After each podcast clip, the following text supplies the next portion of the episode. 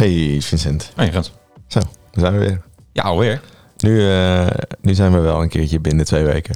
Ja, maar als je ook pretendeert de meest onregelmatige podcast van Nederland te zijn, dan moet je soms ook juist weer eerder zijn, want anders dan zit er alsnog weer regelmaat in. Ja, ja, is heel goed. En we zijn dit keer niet met z'n twee, maar met z'n drieën, want we hebben een bekende in de studio. Welkom Jeroen. Hallo. Leuk, jij bent eh, een keer eerder geweest om te praten over twee olifantjes. Dat is was eh, in maart eh, 2022, dus iets, nou, bijna een jaar geleden. En eh, ik denk dat jij, ook al een tijdje geleden had je ons een mailtje gestuurd over... eh, ik heb weer eigenlijk een leuk onderwerp waar ik graag over wil praten, dus eh, is dat wat voor jullie?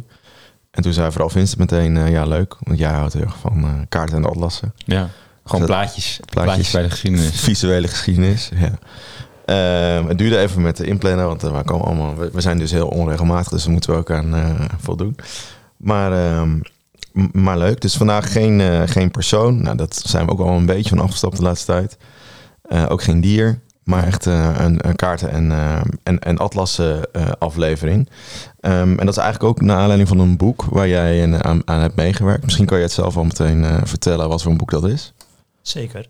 Ehm, ja, dus de vorige keer was ik hier om te komen praten over de Aziatische olifantjes Hans en Parky. Ja, dat is echt zo'n liefdesonderwerpje van mij. eh weet ik veel vanaf. Eh, maar vandaag ja, eigenlijk iets waar ik eh, op heb eh, gestudeerd. ook ben gespecialiseerd, namelijk de VOC, de Verenigde Oost-Indische Compagnie. En als je het over de VOC hebt, dan heb je natuurlijk al heel snel over, over kaarten. Zonder kaarten kon de VOC niet, niet naar Azië varen, om maar iets te noemen. Ehm, maar het onderwerp, ehm, de, de kaart die ik vandaag wil behandelen, is een zogenaamde militaire kaart van het, van het dorp Bimini Padnam. Hele obscure eh, kaart, maar daar gaan we het nog wel over hebben. En ehm, dat stukje is verschenen in het boek eh, Kaarten die geschiedenis schreven. En dat boek is eh, vorig jaar verschenen, eind vorig jaar. ja bijzonder. Ja, ik ben Ja, benieuwd. we hebben net al even doorgebladerd. Het is een eh fikse pil. dat je hem helemaal hiermee naartoe genomen hebt. eh, Ja, het is. Chapeau. eh, dankjewel. Ja, ja, het is een baksteen. ja, ja, echt. echt eh, nou ja, groter. Ja. En nog even in het kort, eh, volgens mij heb je het vorige ook verteld, maar je bent ook in het dagelijks leven veel bezig met eh, geschiedenis, ook in je werk. Je werkt bij de Rabat Universiteit als informatiespecialist en je bent docent vroegmoderne geschiedenis. Ehm, misschien denk ik van hoe, want je bent, je zei net, je bent afgestudeerd, of je bent heel veel bezig met de VOC-kaart, je bent op afgestudeerd. Hoe kwam jij dan in aanraking met eh, de eerste kaarten?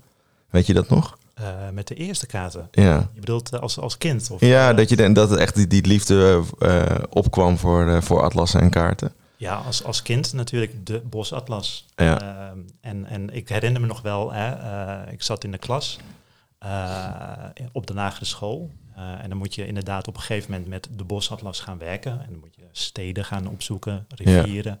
Hè, je, je kent het wel, pagina 14, vakje B4. Ehm, en eh, het grappige is, ik begreep gewoon niet waarom dat ding de bosatlas heet. ik snapte dat niet. Nee, is dat Ja. ook iets anders is dan bos. Ja, Ja. Ik, ik had zoiets van, ja, wat, wat, hè, wat, wat, welk bos dan? Welke bomen? Eh, Ja. ik, ik, pas later begreep ik van, die, die atlas is vernoemd naar Bos, de, de, de man, of eigenlijk de aardrijkskundeleraar Bos, die in de 19e eeuw eh, bedacht van, we moeten een atlas voor, voor kinderen gaan, gaan maken. Ja. Ja, Ja, grappig ja. En zo is het, eh, ben je er gewoon heet mee bezig, eh, zeg je dat? Ben je er heet mee bezig geweest en mag je dus nu ook nog na zoveel jaar weer werken aan een, eh, aan een stuk. Ja, leuk. Ja. Grappig. Ik heb nog eens een keer een bosatlas gestolen. Ja, dat, heb- dat, dat weet ik nog wel. Ja. Denk ik nu aan, ja, hij staat daar, je kan hem daar zien. Hij staat helemaal links daar. Je ziet ook zo'n bibliotheekplaatje erop zitten. Ook tien keer geleden bij de biep met eindexamen om daarin te kijken. En eh, Nooit meer terug. nooit meer teruggebracht, maar ook nooit meer wat van gehoord. Dat is denk ik vooral waarom die hier nu nog staat. Ja, leuk. En volgens mij is de biep nu ook weg, dus eh, helaas. In eh Voorthuis. Ja. Oh, jammer. Ja, ik weet nog wel dat, eh, want jij had het over de potlood en nu gaan we natuurlijk een beetje off topic, maar ehm, wij zijn denk ik iets jonger dan, dan jij. Ik, ik had allemaal cd'tjes die ik dan kocht of kreeg. Eh, met van die topografie quizzen. En dan moest je dus. Oh, ja, eh, ja. en dan was ik alleen maar bezig met dat 100% goed had elke keer. Ja. En dan kreeg je dit is de hoofdstad van. En dan moest je dan gewoon. Of je moest kreeg een kaart en moest je het aankruisen waar het lag. Of je moest gewoon eh, invullen of een vlag herkennen. Dus zo, want ik heb niet zo, ja, ik zei net al in het begin niet heel veel met kaart en alles, maar ik was heel erg fan van vlaggen. Dus ik heb uh, om een spreekbeurt gehouden over vlaggen. En dat kwam ook Mm. daardoor. Dus ook door die bosatlas, vooral dat het spelletje waar al die vlaggen zo in uh, stonden. Ja, ja. leuk. Oké, okay, um, volgens mij uh, weten we nu, hebben we nu goed geïnteresseerd. Laten we, voordat we naar het onderwerp gaan, nog even langs de, onze historische weken gaan. Vaste rubriek.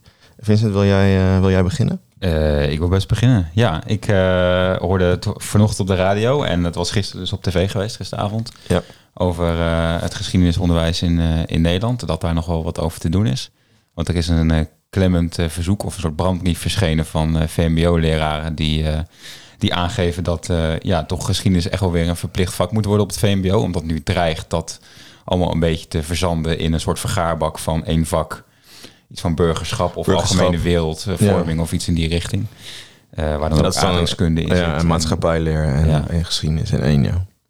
Eh, en dat bericht staat dan een beetje in, eh, eh, in samenhang met, eh, met een bericht wat ook vandaag eh, eh, naar voren kwam. Dat eh, steeds een groter gedeelte van de bevolking eh, ja, zich niet gehoord voelt of eh, vertegenwoordigd voelt in de politiek. En ook denkt dat de meerderheid van de wetenschappers de boel belazert. En eh, nou gewoon een beetje die hele tendens.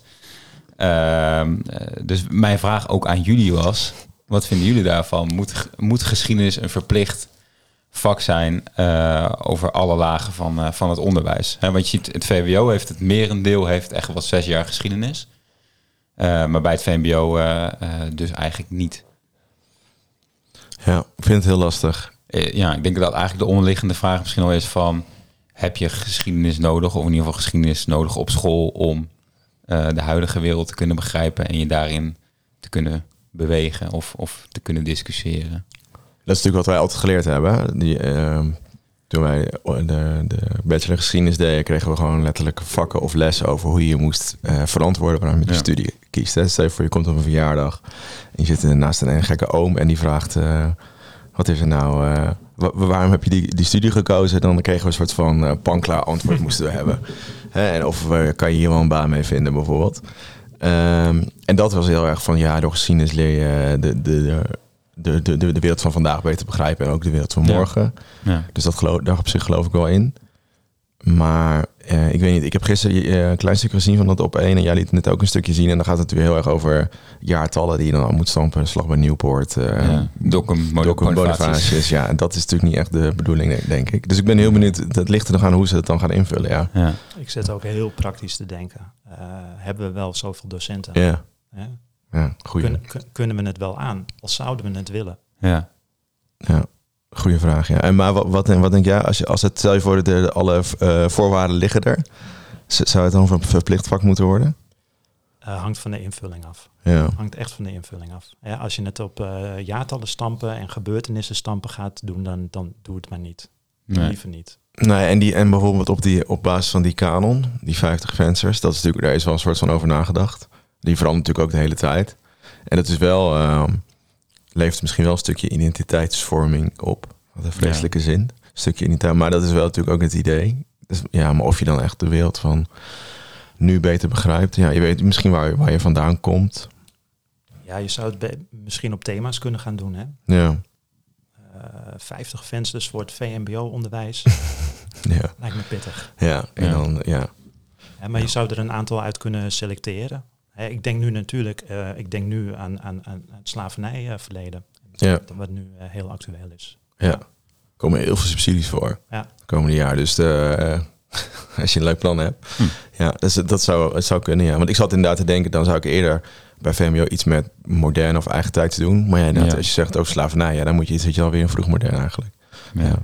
Maar veel, ja, veel eh, vroeger moet je ook niet gaan, denk ik. De. Romeinse tijd, ja, het is allemaal heel superleuk, maar ja, Ja, vond ik ook nooit, nooit niet zo heel leuk. nee. Nee. Nee, ja. Ik vind het eh, in- ingewikkeld. En maar inderdaad, hoe het nu dus uitziet, je hebt een soort burgerschapsvorming, waar dit dus wel een beetje in zit van wat betekent om Nederland te zijn, Ja. bla bla bla. En het gaat natuurlijk, oh, ja, wat je al zegt, het gaat ook niet om dat je weet dat Bonifatius vermoord is bij Dokkum in, eh, wat is het, 754. Maar dat je, eh, dat je niet discussies gaat voeren of eh, met historische feiten die voor gemeten kloppen. Want dat zie je natuurlijk wel een beetje gebeuren, dat het een beetje aan de haal wordt gegaan met bepaalde dingen, zonder dat je er daadwerkelijk eh, genoeg van af weet. Eigenlijk wat wij elke aflevering doen. Ja. Misschien moeten ze gewoon naar ons luisteren. Ja. Hebben ze een iets andere kijk op, maar dan is het wel... eh, ja, wie weet. Nee, ik weet het ook niet. Maar ja, ik ben benieuwd wat er mee gaat gebeuren met die brand. Ja, ik ook. Want het is natuurlijk sowieso een ontwikkeling, dat weet jij misschien nog beter dan wij, qua uh, geschiedenisonderwijs op dit moment. Uh, ja, dat hoor ik dan een beetje eh, van, van, via mijn werk, omdat we daar veel nu doen met um, de eindexamenprogramma's. Die nu volgens mij nu een soort van uitgedacht zijn voor de komende jaren. Want wij zitten misschien even, wij zaten nog in die periode net voor de kenmerken en aspecten. Nu zitten ze helemaal in die kenmerken. Nou, dat is een lang verhaal. En nu, wij hadden volgens mij twee thema's die je ja. moest leren, twee grote onderwerpen. En nu is het gewoon een hele, de hele geschiedenis eigenlijk van nul tot nu. Met een paar wel een nadruk op sommige uh, dingen. Ja. Dus bijvoorbeeld het, de handen zijn nu heel belangrijk. Waar natuurlijk met mijn werk dan weer op aansluit. Dus, en we weten natuurlijk ook dat die 50 fences, waar dan weer dat die nog steeds weer verder worden ontwikkeld. Dus ik ben benieuwd. Maar dat is natuurlijk allemaal gericht op HAVO en VWO. Ja. Dus dat is een beetje, uh, ja. Dus dat, daar zit natuurlijk wel een gat. Ja. En misschien dat, misschien dat die vergaarbak uh, uh, ook wel een prima oplossing is als daar de juiste geschiedenisdingen worden besproken. Dat ja, maar goed, je um, vond het prima. Ja.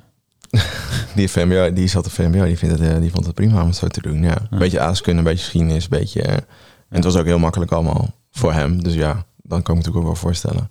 En ze, natuurlijk ook, ze zijn ook met andere dingen bezig op het VMBO dan op de HAVO VWO. Het is natuurlijk veel praktischer dan veel minder theoretisch. Ja. Dus om dan het uh, geschiedenisonderwijs is natuurlijk een beetje uh, vreemde eental misschien in de bijt. Ja, nee, Zou je misschien meer op de basisschool moeten doen. Ja. Maar ja, laten we daar lijkt maar eens over na. Voordat ja, we hier... Voordat we een hele aflevering uh, over dit onderwerp... ja. Jij nog wat gedaan de afgelopen weken? Nou, Jeroen en ik hebben een beetje hetzelfde historische gebeurtenis. Wij zijn, hebben allebei een museum bezocht. Ik was vorige week naar Clara de Neushoorn geweest in het Rijksmuseum. Ook een beetje op aanraden van jou. Um, maar ook omdat er heel veel marketing omheen was. Best wel mooie, ook best mooie afbeelding. Maar het gaat dus over een, uh, een, een, een, neushoorn die, uh, nou goed, via VOC-netwerken, laat ik het maar zo even makkelijk omschrijven, in, uh, uiteindelijk in Europa is, in Nederland is terechtgekomen en, en dan ook in Europa. En wat ik dus heel interessant vond, want ik dacht van, oh, het gaat natuurlijk, het gaat misschien heel meer, veel vertellen over die verhouding tussen de koloniën en Nederland, wat ook een beetje met Hans Parky uh, op inging, maar het ging heel, juist heel erg over hoe um, die, die uiteindelijk de eigenaar van die, van die neushoorn het helemaal vermarkt heeft in Europa. En ook wat voor een invloed dus de eerste neushoorn de eerste echte neushoorn heeft gehad op de, het beeld van de neushoorn op schilderijen, beeldjes en dat soort dingen.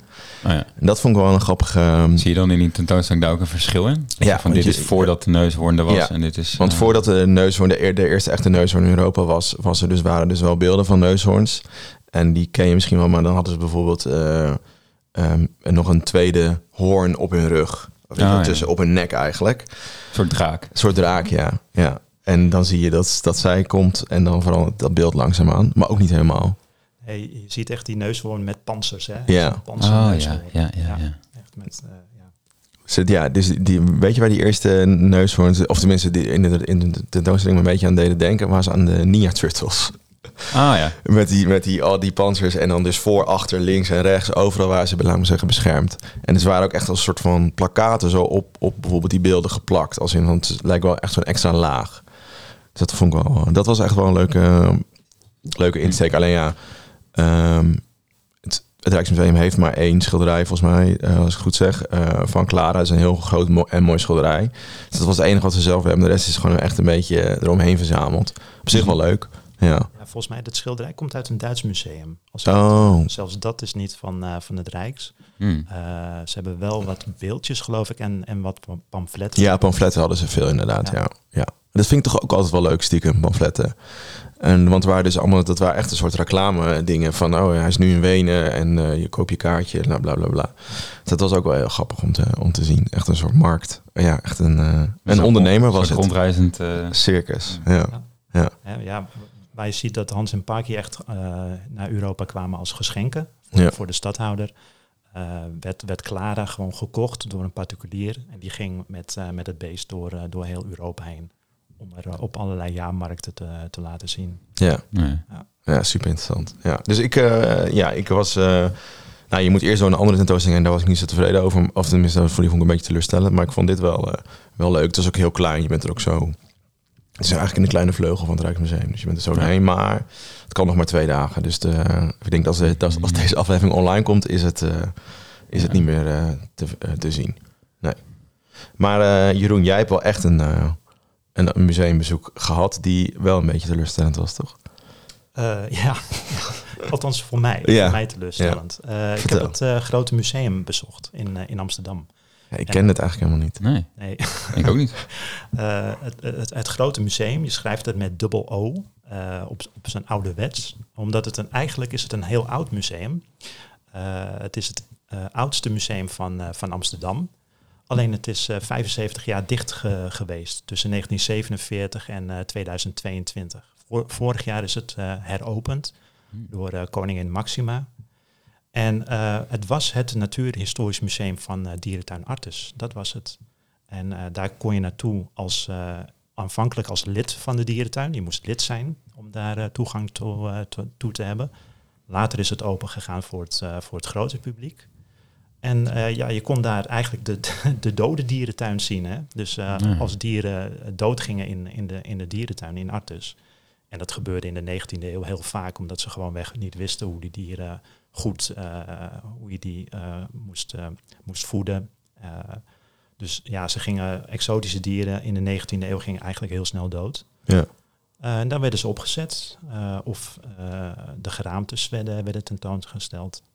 Dus dat kon je hm. daar vinden in het, in het grote museum van die prachtige vlinderkasten met opgezette vlindertjes, geraamtes van giraffen en, en olifanten. En, nou, en dat hoopt je nu eigenlijk weer heel erg te zien. Dat, was, dat, was aanvankelijk ook het idee, ja. uh, las ik uh, terug in uh, nieuwsberichten van, van begin deze eeuw. Mm -hmm. want de plannen zijn al, zijn al heel oud om dat museum te heropenen. het is pas vorig jaar gelukt. Ik denk ook door corona. Um, maar ja, ergens zijn die plannen gewijzigd. Hè? Dus de originele plannen waren om het museum in oude luister te herstellen. maar het is eigenlijk een modern uh, museum geworden in een, eh, in een oud jasje. Ja. Want wat is er nu? Uh, allerlei technische snufjes.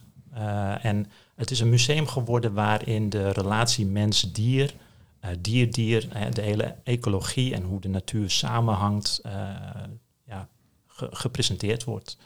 Maar, maar, heel veel interactieve schermen, koptelefoons, spelletjes die je moet doen.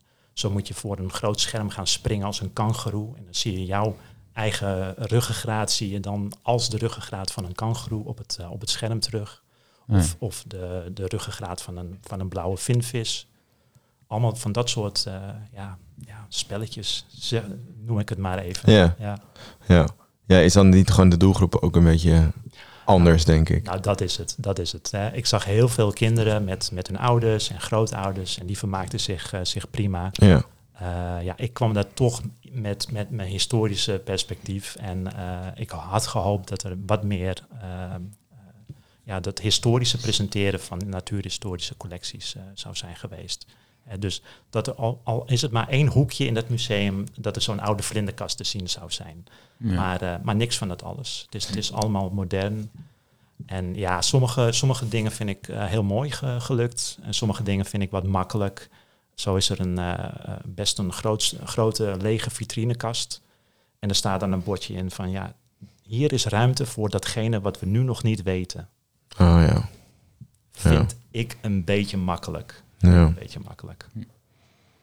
Ja, doe me een beetje denken aan. Uh, ik ben een keer uh, in België geweest in dat museum van Leopold in Brussel. En uh, dat museum was ook inderdaad een beetje zo'n natuurhistorisch opschatte olifanten en zo. Maar ook heel erg koloniaal. Dus met stoffen en dorpen en nou, kunst, roofkunst uit de Belgische koloniën. En toen was er ook inderdaad een vitrine. Maar we zaten midden tussen eigenlijk. Dat museum was maar een paar jaar dichtgezeten en het is een soort van gedecoloniseerd, dat museum. We zaten er middenin en wij mochten dan uh, daar speciaal nog naartoe. En toen waren er ook alleen maar lege vitrines. En toen zei die conservator elke keer, kijk, we hebben het museum helemaal gedecoloniseerd. Er is nou, niks meer te zien. Terwijl dat gebouw natuurlijk al, dat, dat is een soort paleis gebouwd voor dat museum. Dus dat was ook een beetje Maar dat was een beetje hetzelfde. En volgens mij hebben ze dat ook zo van, soort van gelaten. Want we kennen nog niet alle verhalen. Dus we houden, houden ook een, echt een stuk in het museum leeg. En dat vullen we de komende jaren. Ik snap inderdaad wel, ja. Kan ook een beetje... Dat kun je, je kunt toch ook gewoon de vaste collectie even wat wijzigen. Ja. ja. Ja. Maar is er eigenlijk een, een museum in Nederland... wat echt eh, nog zo'n een beetje zo'n oldschool natuurhistorisch museum is? Ja, als je echt zo'n zo'n oude opstelling wilt zien, moet je absoluut naar Stijl gaan in, eh, in Limburg. Ja. Dat is, daar is een missiemuseum. Oh, dat Eh, heb ik een keer gehoord. Ja, dat Ja. is fantastisch. Dat is, eh, eh, dat is eigenlijk sinds de jaren 30, geloof ik, eh, nauwelijks gewijzigd.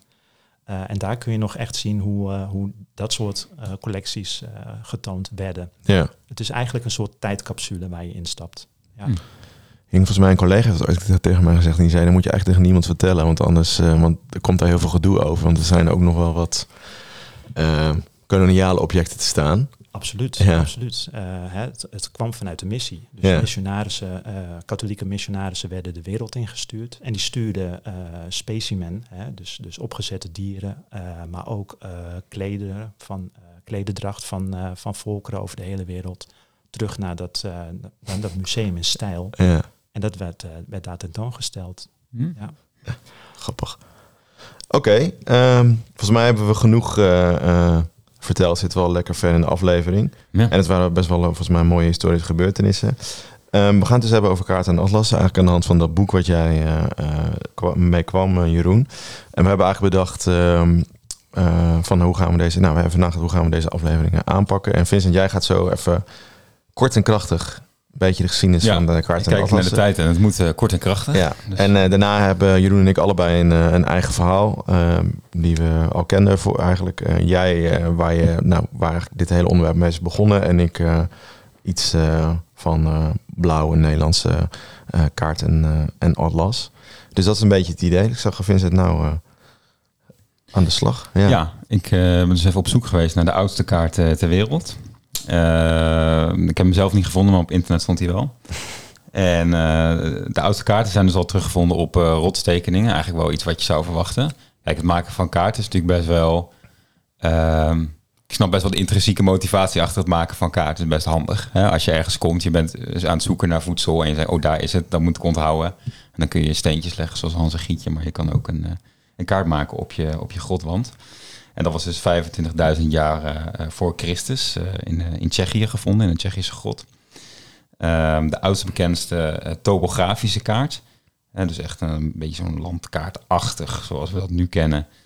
stamt ongeveer uit eh 2500 voor Christus en werd door de Egyptenaren gemaakt. Ehm, deze werd genoemd de Papyrus van Turijn. En die tonen de route naar de bekende steengroeven en werd vermoedelijk gebruikt om zandsteen te verzamelen Ehm, voor de standbeelden van, eh, van farao eh, Ramses eh, IV. En rond de vijfde eeuw voor Christus creëerden de Babyloniërs de eerste wereldkaart. En dat is ook, ja, vaak als je echt op zoek gaat naar die geschiedenis van kaart, is dat echt iets waar vaak eigenlijk mee begonnen wordt. Van dit is de basis van wat we nu een beetje hebben en kennen. Dan gaan we even naar de oude Grieken. Die baseerden hun, hun wereldbeeld aanvankelijk op de geschriften van, van Homerus. We hadden het er net nog even over toevallig. Ja. Eh, want die zag de aarde eigenlijk als een, als een platte schijf, omringd door een grote voortdurende stromende rivier, de Oceanus.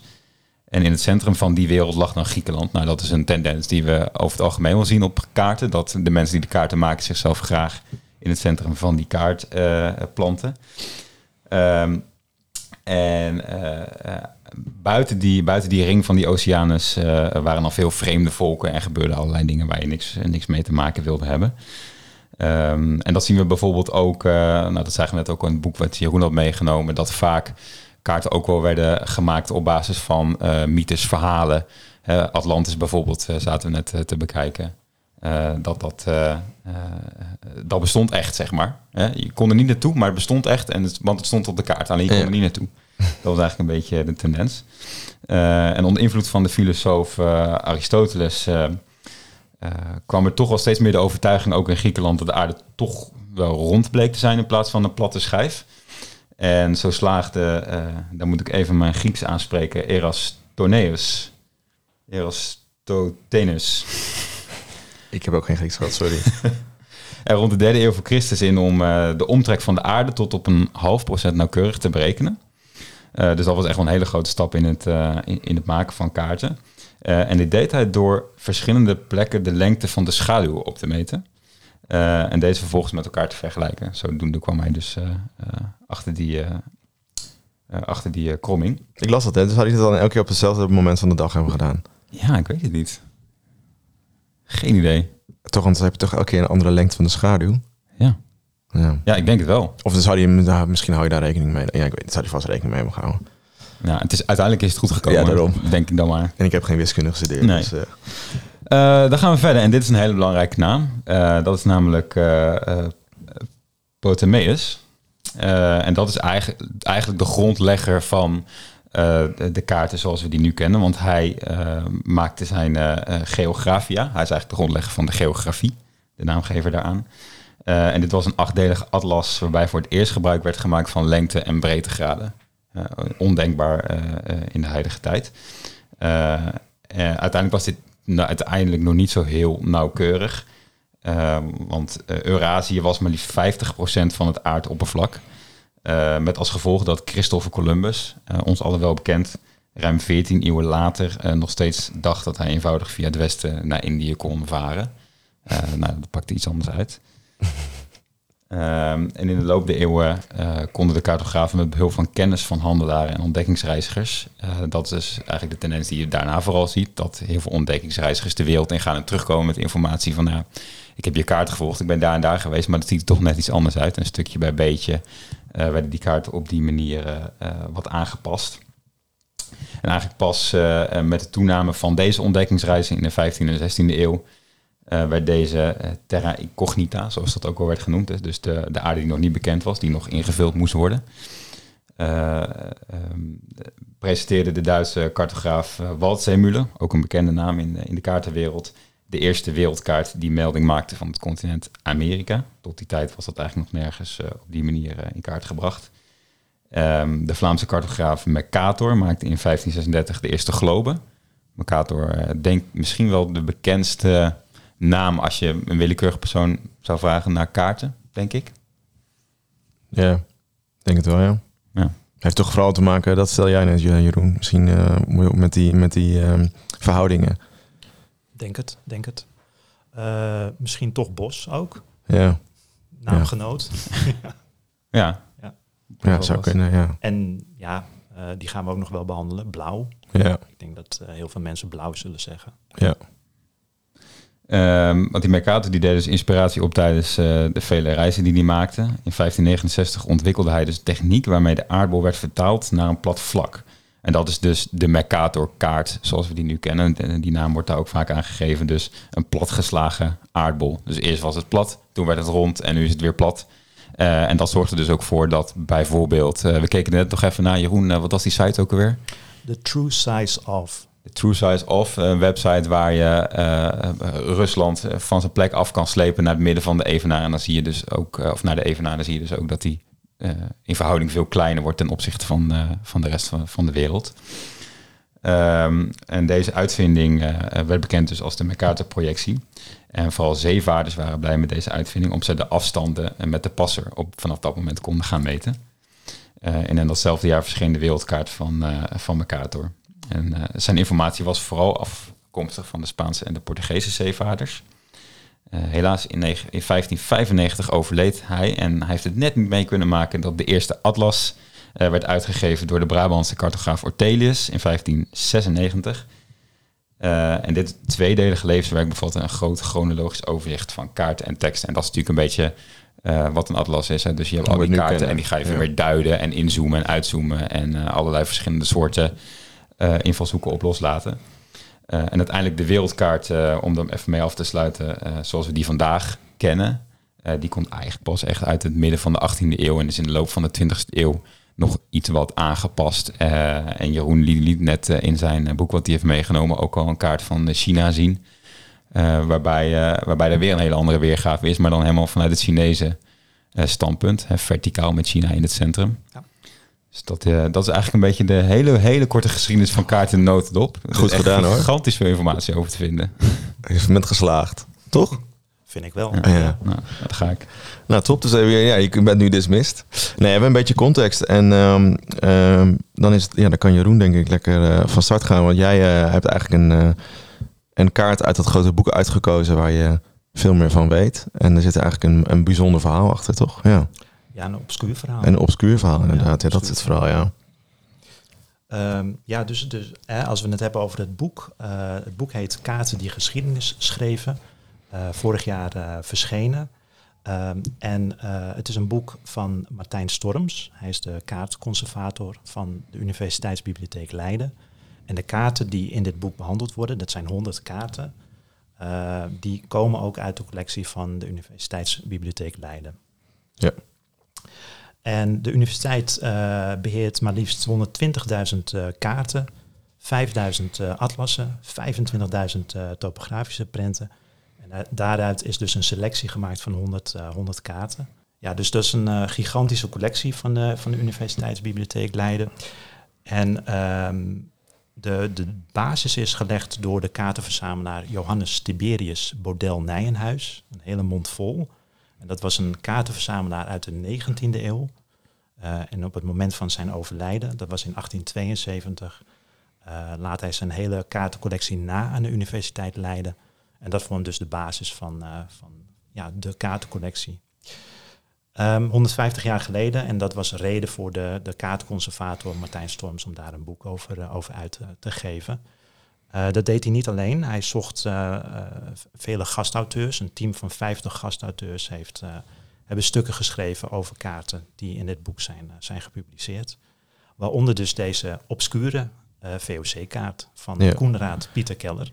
En die kaarten gaan eigenlijk over van alles en nog wat, toch? Wat we net hebben gezien. Dus van, ja, Ja, van, de, van de doorsnijding van de duinen bij, bij Scheveningen Ja. in, eh, in 1663, hè, waarbij een rechte weg tussen Den Haag en Scheveningen werd, eh, werd gelegd, tot eh, het binnenste van de aarde, zoals men dacht dat het binnenste van de aarde er in de 17e eeuw uitzag.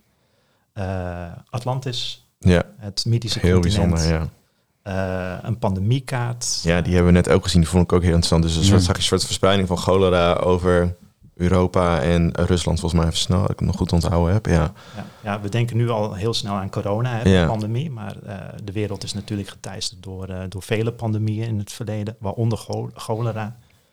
Eh, maar ook zoiets luchtigs als fiets- en wandelkaarten.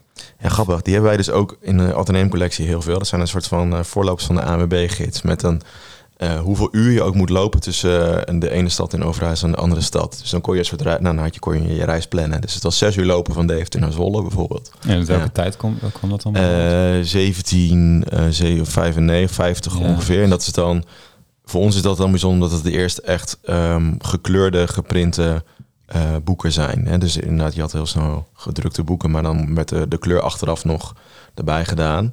En de, eh, vanaf de 18e eeuw konden ze kleuren, eh, of gekleurd afdrukken, laat maar zeggen.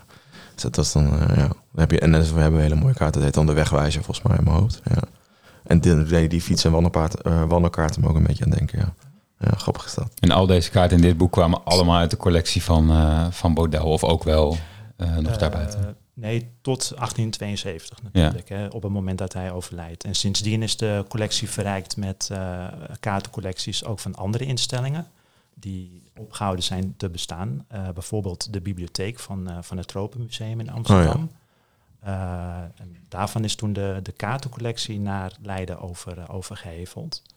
Eh, maar er zijn nog steeds gulle schenkers die tot op de dag van vandaag gigantische, be- best gigantische kaartencollecties schenken aan, aan Leiden. Ja. Hmm. En aankopen, doen- weet je dat of ze dat doen? Ja. Aankopen doen ze ook. Ja, Ja. Wat een vreselijke keuze om dan het boek, eh, boek te vullen en te moeten kiezen uit zoveel kaarten. En, eh, Ja, maar ja, de, de conservator is er eh, in mijn optiek eh, goed, in, goed in geslaagd. Ja. Ja, want jouw verhaal staat ertussen. Nou, niet alleen mijn verhaal. Ik zou zeggen, nou vertel dan die kaart. Ik ben benieuwd. Ja, dus eh, wat, wat we zien, hè, en, en eh, als luisteraars de, de kaart echt zelf willen opzoeken, die is gedigitaliseerd en te vinden in de digitale beeldbank van eh, de Universiteitsbibliotheek Leiden.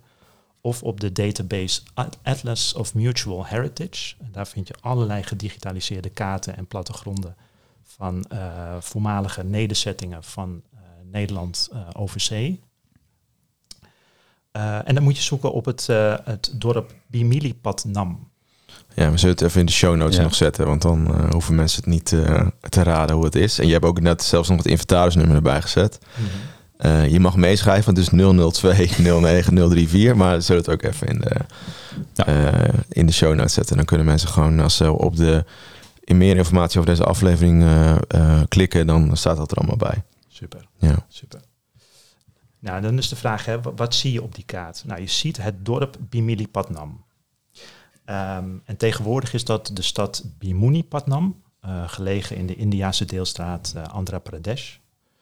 Ehm, ja, dat is niet een naam die meteen een belletje doet rinkelen als je aan de VOC denkt. Hè. Als je aan de. VOC denkt, denk je aan Batavia, Ambon, eh Malacca, Colombo, Kaapstad. Dit was echt een, een, ja, een vrij, een relatief onbeduidende handelspost van de VOC. En het ligt aan de langgerekte oostkust van India, ook wel de Coromandelkust eh, genoemd. En het was daarvan de meest noordelijke vestiging. Eh, en de VOC zat aan die, aan die kust eh, natuurlijk voor de handel. en in dit specifieke geval de handel in katoen. En Bimilipatnam was een, een tussenstop eigenlijk van de, de vestigingen aan de, de zuidelijke Coromandelkust. Daar waar de katoen echt geproduceerd werd en, en opgehaald door de VOC. En het meer noordelijk gelegen Bengalen. En in Bengalen zat de VOC om salpeter te halen en eh, de drugs opium. En Bimilipatnam eh bood als een van de weinige havens eh, veilige, een veilige haven tijdens de stormen van de Aziatische moesson.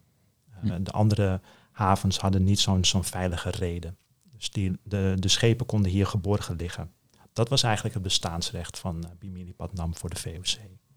Maar dat is het wat je zei, een onbeduidende en niet zo'n eh, bekende, bekende plek. Ja. Nou ben ik benieuwd waarom het dan zo'n obscure kaart is. Nou, wat je, wat je ziet is eh, het dorp. En je ziet daarop geprojecteerd een fort. En wat is nou het verhaal hierachter? Eh, eh, de VOC heeft tot 1754 in Bimilipatnam een handelsloge gehad. Dat was gewoon een, een ommuurde handelspost eh, zonder enige verdediging. Eh, daar zaten zo gemiddeld eh, in de 17e en de 18e eeuw drie tot vier Nederlanders of Europeanen en 20 tot 30 eh Indiaanse werknemers en ook slaafgemaakte mensen. Ehm, en in 1754 wordt het dorp, wat onder controle is van de islamitische moguls, wordt overvallen door de hindoeïstische Marathas. Die, die zijn met, eh, de Marathas zijn met de moguls in, eh, in conflict. En het dorp wordt eh, geplunderd en gebrandschat. En ook de handelsloge van de VOC valt, valt ten prooi. Nou, vervolgens is er een hele discussie tussen de, de bestuurders hier in de Republiek, de heren 17, de hoge regering in Batavia en de werknemers, de VOC-werknemers aan de Coromandelkust, of ze er moeten blijven of niet. Maar de, de lokale regent, eh Visya Ramarasu, die, die voelt de bui al hangen eh, en die biedt eh, aan de VOC de mogelijkheid om er een fort te bouwen. Om er toch te blijven. Hè? Want het zorgt er natuurlijk ook voor veel werkgelegenheid. Ja, en voor inkomsten. Ja. Ja. Oh, maar grappig. Was het niet een reactie die je vaak ziet bij de VRC van we moeten hard optreden en met extra soldaten daar naartoe en kijken. Want dat, dat zie je vaak bij, bij zulke gebeurtenissen. Ja. Het is ook, ook wel later, al eigenlijk wat later in de VOC-geschiedenis.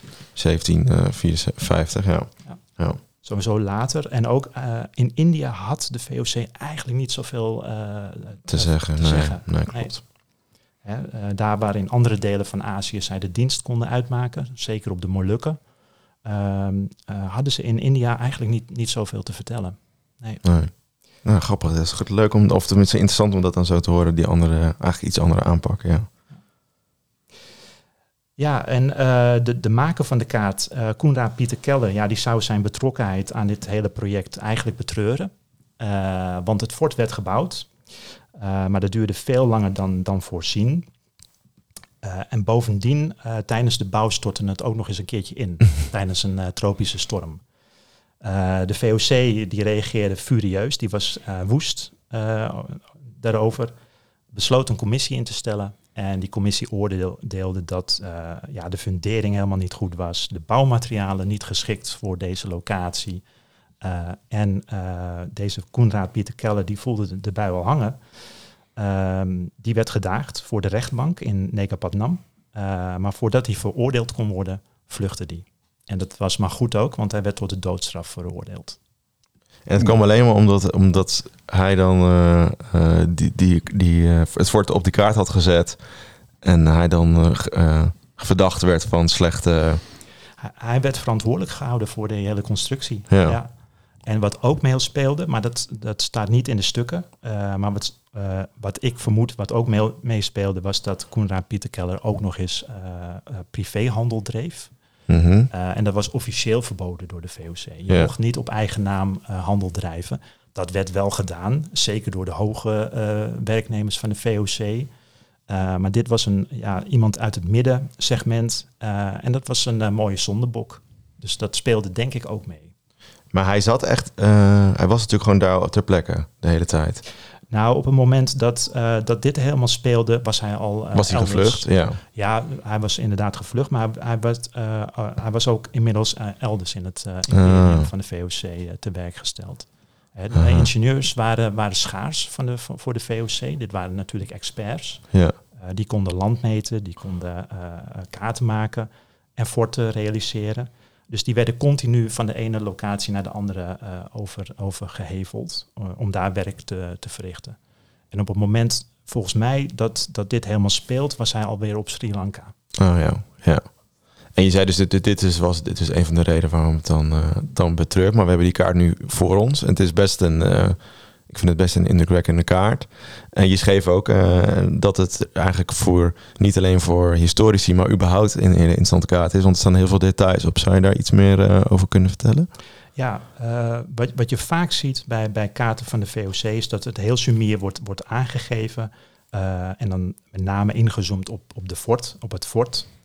Uh, wat deze kaart zo bijzonder maakt, uh, je kunt het een klein beetje zien, en zeker als je hem digitaal bekijkt, is hij zit vol met annotaties. Uh, zo kun je bijvoorbeeld zien waar alle verschillende kasten, de hindoeïstische kasten, maar ook de, de moslims, hun, water, hun, drinkwater moesten halen. Dat moesten ze op verschillende put, plekken. dus er waren verschillende putten aangewezen waar de verschillende kasten hun drinkwater konden halen, zodat ze niet bij elkaar door, door elkaar heen liepen. Ja, want kasten waren uh, klasses, uh, klasses in de bevolking, verschillende ja. klassen. Ja, ja. En, en die wilden ze strikt gescheiden houden. Zeker met het uh, zoiets als drinkwater. Ja. ja. ja. Grappig, het is een, een soort antropologie dan, wat jij ook zei. ja. ja. En je ziet ook plekken waar bijvoorbeeld de lijkverbrandingen waren.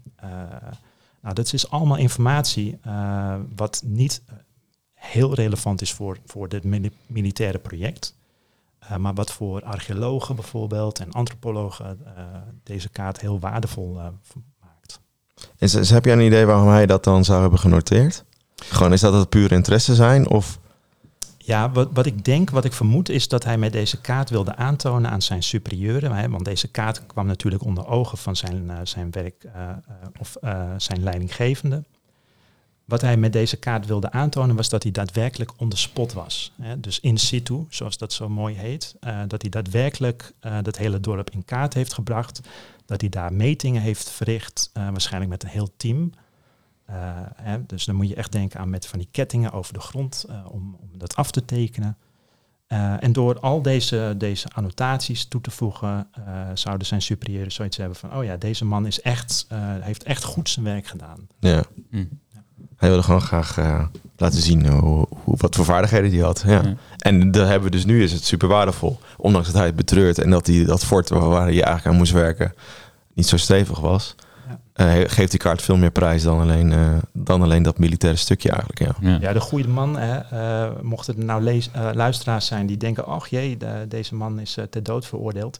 Um, hij, hij mocht uiteindelijk zijn zaak bepleiten na jaren op de vlucht te zijn geweest uh, in Batavia. Ja. Hij werd veilige overtocht uh, beloofd om uh, in Batavia zijn, zijn, zijn verhaal te doen voor de hoge regering. en die besloot uiteindelijk om hem vrij te spreken. Dus dat is een geluk? Ja, dat is een geluk. Ehm, niet voor de VOC en de Coromandelkust. Een jaar na de vrijspraak in, in Batavia stortte het uh, fort voor een tweede keer in. Dus aan de Coromandelkust konden ze zijn bloed wel drinken, denk ik. Zou het gewoon niet hebben gelegen aan de, aan de ondergrond daar of zo? Nee, absoluut. absoluut. Ja, toch? Ja, het is gewoon veel te druk geweest met die kaart maken. Wat Ja. gewoon beter moeten bouwen. Nou, dat. Dat is het geweest. Ja. Ja. Ik, want jij hebt ehm, in het draaiboek ook nog opgezet dat het ehm, ehm, rood-wit-blauw is te zien. Dat is natuurlijk ook nog. Kun je daar nog iets over vertellen? Want ik kan het nu. Je, oh ja, ik zie dat je het nu aanwijst. Ja, ja. Ja. Eh, met het rood-wit-blauw werd inderdaad het, eh, het vlaggetje of de vlaggenpost, zoals dat heet, eh, aangeduid. Ehm, ja, eh, van hier zijn wij, dit, is dan van ons. En eh, je ziet ook eh, de stippellijntjes A, B, C, D. Dit was het gebied wat eh, die lokale lo- eh, eh, mogulregent aan de VOC aanbood. En het bijzondere is dus dat dat fort gerealiseerd moest worden op bestaande bouw. Dus er moesten zelfs tempels eh, eh, wijken eh, om dit fort te kunnen, te kunnen bouwen. Ja. Grappig, je ziet een soort van. En je hebt dus die, die, die Keller die bezig is met zijn carrière. Maar die regent is ook bezig met zijn eigen. Het is eigenlijk een, ook een hele politieke kaart bijna. Nee, absoluut, absoluut. Als je dit verhaal aan de achter hoort. Ja. Ja, en, en als je hier dus vluchtig naar kijkt, naar deze kaart, wat je dan ziet, denk, denk ik, eh, is dat eh, zo'n zo'n typische VOC die eh, nogal roekzichtloos zo'n fort daar, daar neerplemt. Maar als je de context van het verhaal kent, dan, dan eh, is het veel ehm, gelaagder dan, dan je in eerste instantie denkt. ja, mooi. Dus dat is eigenlijk iets wat we nu al kunnen. eh, eh, we kunnen meenemen eigenlijk naar, naar het einde van de aflevering. Dat de kaarten veel meer vertellen dan alleen wat er nou eigenlijk te zien is of wat er nou, nou is.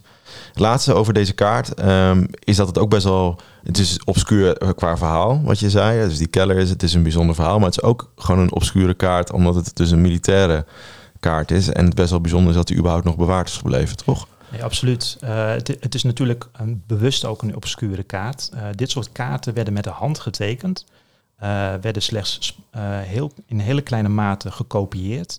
Want je wilde natuurlijk voorkomen dat dit soort kaarten in handen vielen van de tegenstander. Of die nu Europees of Aziatisch was. Eh, want met zo'n kaart, hè, in één op, oogopslag zie je de sterke punten, eh, maar ook de zwakke punten van zo'n, van zo'n fort of zo'n, eh, zo'n verdediging. Dus ja, deze, deze werden zorgvuldig eh, geheim gehouden. En het is dankzij die Bordel Nijenhuis, die kaartenverzamelaar uit de 19e eeuw, dat we deze kaartenset überhaupt eh, bewaard, eh, bewaard is gebleven. Want het is de enige bekende kopie. Ja, Eh, dat moet je nagaan. En heb jij een idee waar die uh, Nijhuis dan, hoe, hoe hij dan hier aan is gekomen? Ja, goede vraag. Uh, het is gewoon uit een, uit een bundeltje kaarten die hij kocht of zo, ja. Zeer waarschijnlijk. Uh, wat hij met veel kaarten deed, was aan de, op de achterkant schreef hij dan uh, waar hij het gekocht had. En vaak ook de, in hoeveel, voor hoeveel geld en op welke veiling. Helaas ontbreekt op deze kaart enige annotatie van Bordel Nijenhuis. Uh, dus we weten het niet. Maar zeer waarschijnlijk heeft hij het op een veiling uh, weten te bemachtigen. Of uh, misschien uh, vrienden bij het ministerie van Defensie. Zoiets. Ja. Iets, in, iets in die trant. Dat blijft nog een beetje geheim. Dus ja. daar, daar, daar, zit een podcast in. Oké, okay, nou mooi. Dus dat is eigenlijk nu één verhaal van over kaarten waar we. Um, waar eigenlijk Jeroen al laat zien van uh, dat een kaart uh, veel meer is dan alleen uh, ja. de, de, de, weg, de wegwijzering of de, de, hoe noem je dat, de schaal. Of, dan ook, of er zit eigenlijk ook een heel mooi verhaal achter. Um, volgens mij is het tijd voor de quiz. Ja. Laten we die even kort en snel doen. Kort snel, ja, laten we maar doen. Ja. Want we zitten al lekker aan de tijd. Ja, het is tijd voor de quiz. En we hebben eigenlijk nog steeds niet een quizboek. Dus we hebben iets nee. bedacht. Ja, uh, jij kwam iets moois tegen. Ja. Uh, In dit tijdperk van uh, AI's. AI's, ja, inderdaad. Misschien hebben jullie wel gehoord van Chat GPT. Waar je allerlei vragen in kan stellen en essays uit kan rollen en weet ik veel wat. Um, en er zijn, komen ook allerlei soort vormen van chatboxes uit. En ik kwam de app tegen Hello History. Waar je dus kan chatten met bekende historische figuren. Het is wel redelijk Amerikaans gericht, maar er zitten twee Nederlanders bij, Vincent Gogh en Rembrandt. En Anne Frank zou je ook mee kunnen chatten. Maar bijvoorbeeld ook met Lenin of Darwin of Tesla of Da Vinci of Carl Jung. Hm. Van alles en nog wat. Uh, en die kun je gewoon vragen stellen. En dan kun je ook de vraag stellen, maak een quizvraag over mij. Mm -hmm. Ehm, dus ik dacht, misschien kunnen we gewoon even testen. Ja. Hebben jullie een, eh, als jullie zeggen, een mooi historisch figuur? eh, Noem eens eentje op. Ik hoop dat hij ertussen zit natuurlijk. Ja, mooi historisch figuur. Napoleon. Napoleon, nou, die toevallig. Zal er vast tussen staan. Nou, hij begint al met chatten bij mij. Oh, Ja, god. hij is wel lang aan het typen. Hij zegt, Hij heeft natuurlijk niks te doen, zit Nee. alleen. in Elba zit hij nog steeds. Uh, greetings, my friend. My name is uh, Bonaparte and I have much experience in the art of warfare. Tell me, what are your thoughts on the principles of conflict? Dat is de eerste vraag die hij stelt. Maar laat ik hem gewoon een vraag stellen. ehm, of hij een eh, quizvraag voor ons kan bedenken. Ja. Napoleon heeft een mooie quizvraag eh, voor ons bedacht. En ik denk dat jij hem wel weet, Vincent. Maar wat was het hoogtepunt van eh, Napoleons eh, militaire campagne in 1815? Gaat er bij jou een belletje rinkelen, Jeroen? Een hoogtepunt. Ja, bij mij niet echt, maar 1815. ja. Een hoogtepunt in 1815. Ja, Voor Napoleon of... ja. Of um, Napoleon's military campaigns. Eh, dan kun je een gokje doen? Ja, ik zou zeggen de slag bij Waterloo. Ja. Oh, Maar- het, is, het is een soort sarcastie. Ja. Het is sarcasme, ja. Want 1815 dat slag hij Waterloo. verloren. Ja. hij zegt, eh, ja, de- het antwoord is dat ik eh, was verslagen het, eh, bij, bij Waterloo in juni 1815. Eh, Ja, door, door prins Willem II, hè? ja, Onze held. en hij, Van zegt, en hij zegt daarna, maar het bijzondere is, en dat is voor, daarom is het voor hem een hoogtepunt, is dat hij niet in de vergetelheid is geraakt en dat hij iedereen nog steeds zijn legacy kent. Ja. Ik weet niet of dit een hele goede manier is om een quizvraag te doen. Maar het is wel misschien een tipje. eh, mocht je een keer vervelen, download de app Hello History en ga lekker praten Heb met, ik eh, altijd al willen chatten met Lenin. met of Moeder Teresa of Monet of Jefferson. Oh, Jesus Christ zit er ook tussen. Ah, Jesus Christ. Eh, ga, dat, eh, zou dat, ga dat lekker doen, denk ik. En dan moeten wij misschien nog even nadenken of, eh, hoe we dit gaan aanpakken. Ja, dan moeten we de volgende keer hebben we dat helemaal, helemaal paraat. Ja, laten we snel doorgaan naar de... Ja, want eh, we, we hebben nog één, één kaart, eh, kaartenverhaal te goed. Ja, ja want ik dacht... ehm, ik, ik ga het misschien wel hebben, gaan hebben over... Ik denk dat het wel de... Jij noemde net al de bekendste kaartenmaker is van Nederland, het Nederlandse geschiedenis. Ik denk het wel, ja. Ehm, en ik ken hem eigenlijk omdat hij eh, ook wat... wij hebben twee atlassen, drie atlassen in onze collectie liggen, waaronder een, een, een bijzondere atlas, een Latijnse versie van zijn, misschien wel zijn bekendste stedenatlas. Dus niet zijn grootste werk, dat is eh, een andere. Eh, maar ik vind eigenlijk vooral de totstandkoming altijd interessant. Want hoe maak je dan zo'n atlas en hoe komt hij nou eh, zo ver? Ehm, nou, we gaan het dus hebben over, over, over Johan Blauw. En we hebben het nu over een beetje het einde ehm, van, de, van de 17e eeuw. Eh, een beetje de, we zitten midden in de Republiek, 80-jarige oorlog, een beetje die periode. Hij was de zoon van ehm, Willem Jans Blauw. eh, die overleed in eh, 1673, maar zijn zoon nam het al wat eerder bedrijf over. En, die, en hij wist eigenlijk van, eh, van zijn vaders bedrijf een grote, eh, een, een, nou, een groot kaartenbedrijf eh, te maken in, eh, in, in, in de Nederlanden. Ehm, hij probeerde eigenlijk eh, eh, het, het voor, te zetten waar eh, die Willem eh, mee was begonnen, dus zijn vader. Maar hij ging er nog wel een extra slag eh, mee doen. En het komt eigenlijk door een soort eh, eh, concurrentiestrijd. En ik vind het interessant, je kunt best wel veel vinden over Johan Blauw. Dus als je kijkt bijvoorbeeld op de website van de Universiteit Utrecht bij de bijzondere collecties, dan eh, is er eigenlijk zijn er best wel mooie verhalen te vinden. En zij hebben, eh, op die website hebben ze het eigenlijk over een soort atlassenwedloop. We kennen natuurlijk de wapenwedloop tussen Amerika en, eh, en Rusland eh, in de Koude Oorlog. Maar dit was een soort atlassenwedloop ehm tussen Blauw, waar we het over hebben, en eh Jans Sonius. Ik denk dat het gewoon Jans zoon is. Maar die heeft natuurlijk zijn naam gelatiniseerd, want dat klinkt wat Ja, beter voor, de verkoopcijfers. Ja. En zij begonnen eigenlijk rond die 1630 aan een soort atlassenwedloop, want ze wilden allebei... ehm, eh, eigenlijk die nieuwe technieken gebruiken. Je had het net al in het begin, of eh, toen je vertelde over die context, over die, eh, die Belg die ook in die periode een soort eerste atlas eh, schreef. Ze wilden eigenlijk die technieken gebruiken, de boekdrukkunst, eh, de kennis die er steeds meer kwam om een soort monumentale atlas van de wereld eh, eh, te maken. Maar eigenlijk die strijd onderling, die zorgde juist voor dat het niveau van die atlas ook enorm eh, omhoog eh, eh, ging. Ehm, en dat Blauw uiteindelijk zijn grote atlas major of de grote atlas publiceerde. Dat is denk ik ja, gewoon zijn bekendste werk. Ehm, nou, die liggen in best wel veel bijzondere collecties. Is daar wel een replica, een kopie of een, een tweede druk of een herdruk van te vinden. Dus eh, als je daar gewoon op zoekt en een, een digitale kopie, dan is er best wel veel te vinden. Volgens mij ligt die in Leiden, Utrecht, nou, op allerlei plekken. Heb jij hem wel eens in het echt doorgebladerd? Ik heb hem onlangs eh, in het echt vast mogen houden. Echt? Ja. Welke, Eh, welke versie? De, de grote atlas, dus de Atlas Major, maar dan de, de Nederlandse vertaling van, van de Radboud Universiteit. En die is, dat is een gekleurde, En was dat een eh, was het historische sensatie toen je erheen bladerde? vond ik wel. Ja? ja, ja. En wa- wat, eh, want ik heb hem dus nooit gezien, alleen dus digitaal. Wat, wat was het meest, wat het meest opvalt? Want hoe groot is die, dat, dat vroeg me, hoe groot is die nou in het echt? Ja, hoe groot zal het zijn? Centimeter of 50 of zo? Ja, een soort dubbele bosatlas. Ja, ja, Ja. ja, inderdaad. Eh, en wat ik er mooi aan vind is eh, de, de, de stijl van het, eh, van het eh, boek en, en de kaarten. Eh, de teksten, Ja, dat wordt vaak vergeten. Eh, het waren natuurlijk afbeeldingen van, eh, eh, van de wereld. Maar de teksten die, die zijn even belangrijk. ja, Ehm, ja, en, en gewoon het geheel. Eh, Je hebt een blauw atlas in, in je handen. ja. Ja. Grappig. Ja, dat inderdaad. Dat je hoort van heel veel mensen die dat, dat ze dat heel, eh, dat ze dat echt een, nou, dat ze dat gewoon niet te vergeten. Maar, maar wel, ja, dat, dat ben ik wel, ik ben wel benieuwd. Ik heb het nog nooit, ik heb nooit een grote atlas in mijn handen gehad. Ehm, maar eigenlijk was die, die atlas major, die grote atlas, was meer een, een, een, het doel van zijn vader. Dus die Willem om dat te bewerkstelligen. Maar hij heeft dat uiteindelijk kunnen voltooien.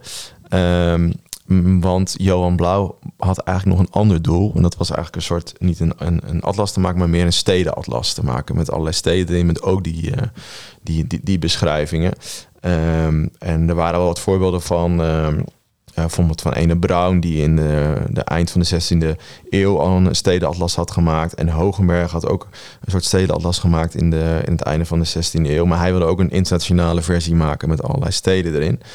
Ehm, dus dat, en dat heeft hij uiteindelijk gedaan. Dat, die kwam wel later dan die, dan die grote eh, atlas. Maar vanaf 1649, een jaar na het beëindigen van de 80-jarige oorlog, kwam hij dan ook met de toneel der steden. Ehm, en ik ken die eh, in de Latijnse versie, want zo ligt hij bij ons in de, in de collectie. Maar Ut- Universiteit Utrecht heeft gewoon de Nederlandstalige versie. Ehm, die Latijnse versie was iets eerder dan die Nederlandstalige versie. Maar op zich eh, zit er volgens mij verder niet heel veel verschil in. Volgens mij is die Nederlandstalige versie in één deel uitgekomen. Net thuis in twee delen, maar dat is voor de, voor de details. Maar wat ik het misschien het meest interessant vond, is ehm, ehm, eigenlijk zijn, zijn disclaimer of argumentatie of uitleg eh, hoe hij, eh, waarom hij dit zo dan zo belangrijk vond. En daar spreekt iets heel nationalistisch uit. En dat vond ik gewoon heel grappig, want eh, hij gaat dan, jij had het over die textuele eh toevoeging en dat vind ik dan wel interessant. Van wat zet je dan erbij? Ehm, en hij zegt van ehm, waarom, hij, waarom hij dan graag die stedenatlas wilde maken, was dat hij. eh, ehm, nou, dat het volgens zijn is, is dit land, dus Nederland, volgens de wetten de natuur het meest bemind door hem. Ehm, nou, je moet even een beetje context zien. Het einde van de 80-jarige oorlog. Dus eh, nou, we waren weer trots op Nederland. We hadden de Spanjaarden een soort van eh, verslagen. En we hebben dan, hij zegt dan ook dat het enige toneel van de dapperste verrichtingen des gehele aardbodems in zijn tijd is geweest. Dus die strijd, die 80-jarige oorlog. Ehm, en eh, Blauw is daar ook heel erg blij mee. Want hoe gelukkig zijn wij dat we in deze tijd, dat we, dat, we deze tijd beleven. Dus dat we nu hier mogen zijn. En daar, dat is zijn inleiding op die, eh, op die hele mooie eh, atlas. Dus dat vond ik wel heel grappig om, om te lezen. Een beetje persoonlijke touch aan zo'n groot, groot werk. Ehm, maar wat ik daarna nog heel interessant vond, is dus die beschrijvingen waar jij het al, had, al over had, Jeroen. Dus hij, je hebt dan een kaart van een stad, maar hij heeft eigenlijk nog een soort korte geschiedenis. Het is bijna een soort geschiedenisboek bijna eh, overgeschreven in die tijd, waar veel meer nog daarover te vinden staat. Zo legt hij bij de stad Utrecht uit. En het, dus zoek het echt op, want je kunt het digitaal gewoon helemaal nalezen. Dus Het is in het Middel-Nederlands, dus je kunt het echt, het is nog nee, geen Middel-Nederlands, het is gewoon Oud-Nederlands, het is nog makkelijker dan Middel-Nederlands. Ehm, dat bijvoorbeeld bij de Utrecht legt hij uit waar de, naam van, waar de naam van de stad Utrecht vandaan komt. Wist jij dat, Vincent? Nee, ik lees het nu hier, niet. maar eh, ik wist het niet. Nee. Nee, eh, hij zegt dan in het begin heette de stad Antonia, na Antonius, een Romeinse raadsheer die vluchtte voor de, eh, voor de vreedheid van keizer Nero en in het huidige Utrecht onderdak vond. Nou, ik heb dat nog nooit gehoord. Maar blijkbaar is die naam op een gegeven moment verbasterd naar, naar Utrecht. Ik heb het ook niet opgezocht of dat nou echt waar is, maar als, als Blauw schrijft zal het vast waar zijn. Ja. En hij heeft bijvoorbeeld ook dan een soort beschrijving over hoe de stad er nu uitziet, eh, hoe het verdedigd wordt. En nou, hij beschrijft dat Utrecht in toen de tijd een stad was met sterke, hoge muren. Nou, die zijn er nu niet meer. Eh, maar ook bijvoorbeeld over die gewelfde kelders, waar ze nog steeds bekend om staan. Hè. Volgens Lonely Planet, mooiste grachten van, uh, van Europa, vooral door die gewelfde kelders. Nou, Blauw zag het ook al. Ja. Dus het is ook een soort ANWB-gids, of we zeggen dat soort vakantie-toeristenblaadje geworden. Dus dat vond ik heel, heel, heel, grappig. Uh, en nou, de stad Deventer, dacht, nou, daar werk ik even ook even opzoeken. Nou, daar benoemt hij die week een jaarmarkt, waar ze misschien wel bekend om staan. Met de Waag en ook het recht van de stad om munten te slaan. Dat was toen best bijzonder in die tijd. Dus dat vond ik gewoon uh, heel mooi. Dus die atlas geeft niet alleen weer hoe die steden eruit zagen. Hè? Dus een soort plattegrond, maar ook beetje een tijdsbeeld van hoe de stad, uh, de, ja. de uit, of hoe de over de stad gedacht werd. En ook een beetje achtergrond of historie van de, van de stad. Echt wat een atlas onderscheidt van een, ka een kaart eigenlijk. Ja. ja. gewoon veel meer een duiding. Ja, veel meer duiding, ja. ja. En dat vond ik wel heel leuk. Maar toen dacht ik toch nog even opzoeken van hoe maak je dan nou zo'n... of hoe ging hij dan te werk? En dat eigenlijk was het gewoon uh, jatwerk allemaal. En dat vond ik wel heel grappig. Dat heb ik me, ik had het, nou, dat is natuurlijk, gaat hij het allemaal zelf berekenen. Je had het over. En uh, over Keller, die ook alles zelf, waarschijnlijk met een groepje mannen, uh, allemaal lijntjes legde en berekeningen maakte. Nou, um, Blauw deed dat niet. Want hij beschikte eigenlijk maar zelden over kaarten die dan voor hem waren getekend. Of die, en hij heeft helemaal geen kaarten die hij zelf heeft getekend. In de meeste gevallen heeft hij gewoon zonder bronvermelding uh, een bestaande kaart als, uh, als, als grondslag genomen. En uh, deze aan het formaat van zijn atlas aangepast. Ehm, en waar mogelijk nog eventueel wijzigingen of aanvullingen op gedaan. Dus hij heeft gewoon letterlijk heel veel gekopieerd. Maar zelfs bijvoorbeeld gekopieerd van die Jansonius. Dus die Janszoon waar hij zo'n concurrentiestrijd mee had. Die soms wel kaarten maakte en hij die gewoon gebruikte. En bijvoorbeeld als we dan kijken naar die kaart van... Ehm, uh, van Deventer, die stadkaart, ja, daar heeft hij gewoon gebruik gemaakt van uh, um, een, een, een kaart van Braun Hogeberg, die ik net al noemde, een Duitser. Uh, waar je zelf bijvoorbeeld de fouten heeft op overgenomen. Dus de Waag, ik weet niet of jullie het kennen, dat is het grote plein. Daar staat de Waag waar dan de jaarmarkt en zo waren. Die heeft op die kaart van Braun Hogenberg, laat me zeggen, een soort van drie da daken achter elkaar eigenlijk, hoe noem je dat? Gewoon drie soort van driehoekjes in het dak. Dat heeft een speciale naam die ik even kwijt ben. Maar um, in, in, in, in het echt is er maar gewoon één dak, laat me zeggen. Het is gewoon één. Maar hij heeft gewoon alsnog die drie daken overgetekend. Dus dat is natuurlijk ook wel interessant hoe dat. Uh... Ja, hij is er niet even wezen kijken. Of nee, hij is niet uh, even langs geweest of iemand op pad gestuurd om dat even, e-, even te checken. Uh, dus dat vond ik ook wel, um, wel heel leuk. Wat ik wel dat ik niet kon vinden is namelijk hoe, hoe duur nou zo'n zo'n die stedenatlas was. Van die grote atlas weet je hmm. dat de niet gekleurde versie 150 gulden was in die tijd. Nou, dat was echt enorm veel geld. En de ingekleurde versie 450 gulden. Maar deze toneel de steden, geen idee. Hm. Um, hij heeft ook nooit echt zijn hele doel kunnen behalen. Want hij wilde dus een internationale stedenatlas maken. Met allerlei verschillende delen. En uiteindelijk heeft hij een soort van uh, Noord-Nederlandse, hoe zeg je dat, Noord- en, en Vlaamse versie gemaakt. En drie Italiaanse versies van, van Italiaanse steden. Maar daarna is hij, uh, ja, is hij nooit meer verder gegaan en is hij nooit meer verder gekomen. Dus hij heeft nooit zijn doel echt kunnen bereiken. Mhm. Hij heeft wel het doel van zijn vader kunnen afmaken met die grote atlas. Dus dat vond ik gewoon een heel leuk uh, verhaal. Ik vond vooral die concurrentiestrijd wel grappig. En dus ook zijn werkwijze, dat hij het gewoon eigenlijk letterlijk gewoon uh, jatte en niks zelf. Hij was eigenlijk meer een soort van de, de, de curator die alles samenbracht. En er een, een mooie tekening omheen maakte. En daar stond hij wel echt bekend om. Ja. Wat jij ook bij die grote atlas hebt gezien. Maar verder dan dat... Uh, Behalve dat hij dan geen... geen check heeft gedaan. Geen verwijzingen toevoegde. Nee, nee ook geen verwijzingen. Nee, nee. dat stond niet bij. Dit heb ik van die en die nee. of uit die en die en Super bedankt. En, ja. Nee. En hoe is het met die Jansonius afgelopen dan? Oeh, dat moet ik me... Dat, geen idee. Ja, uh, hij is, is dat, iets, iets minder bekend geraakt yeah. dan Blauw. Ja. Uh, de grote atlas wordt altijd gezien als de, het hoogtepunt van uh, de Nederlandse cartografie in de 17e eeuw. Uh, net verschenen voor het grote rampjaar 1672. Ja. En wat je daarna ziet, is dat de kwaliteit van de atlassen achteruit gaat. Um, in, in, de 18e eeuw een, worden we ingehaald door de Fransen. Ja, um, ja en Jansonius uh, is iets minder bekend geraakt in de, in de geschiedenis dan Blauw. Ja, ja. dus Blauw heeft gewonnen. Ja, en, en dat, ja. dat is het enige wat, je, wat ik ervan weet. Dat lees je dat hij die concurrentiestrijd wil. Maar misschien goed, en dat heb ik nog helemaal niet verteld. Maar Jeroen, vul me misschien maar aan. Want die tijd van Blauw, dus we hebben het uh, 1630 tot 1680... was het wel echt het hoogtepunt of het centrum van de cartografie... was Nederland was Nederland en, en dan met name toch, toch Amsterdam. Ja. Op een, op een heel klein stukje uh, grond. En Jansonius, dat is ook wel grappig, Jansonius en Blauw zaten dus gewoon echt met hun winkels naast elkaar. Ja. Naast elkaar. Ja. Op, uh, op het Damrak. Ja, en, de, en, en, en hoe, dat, dat centrum kwam dus omdat we en dus dat was het sowieso de Gouden Eeuw. Dus alle handel ging via Amsterdam. En eh, inderdaad, je had het over die Vlaamse of die Belgische cartograaf. Die kwam volgens mij uit Antwerpen, wat natuurlijk...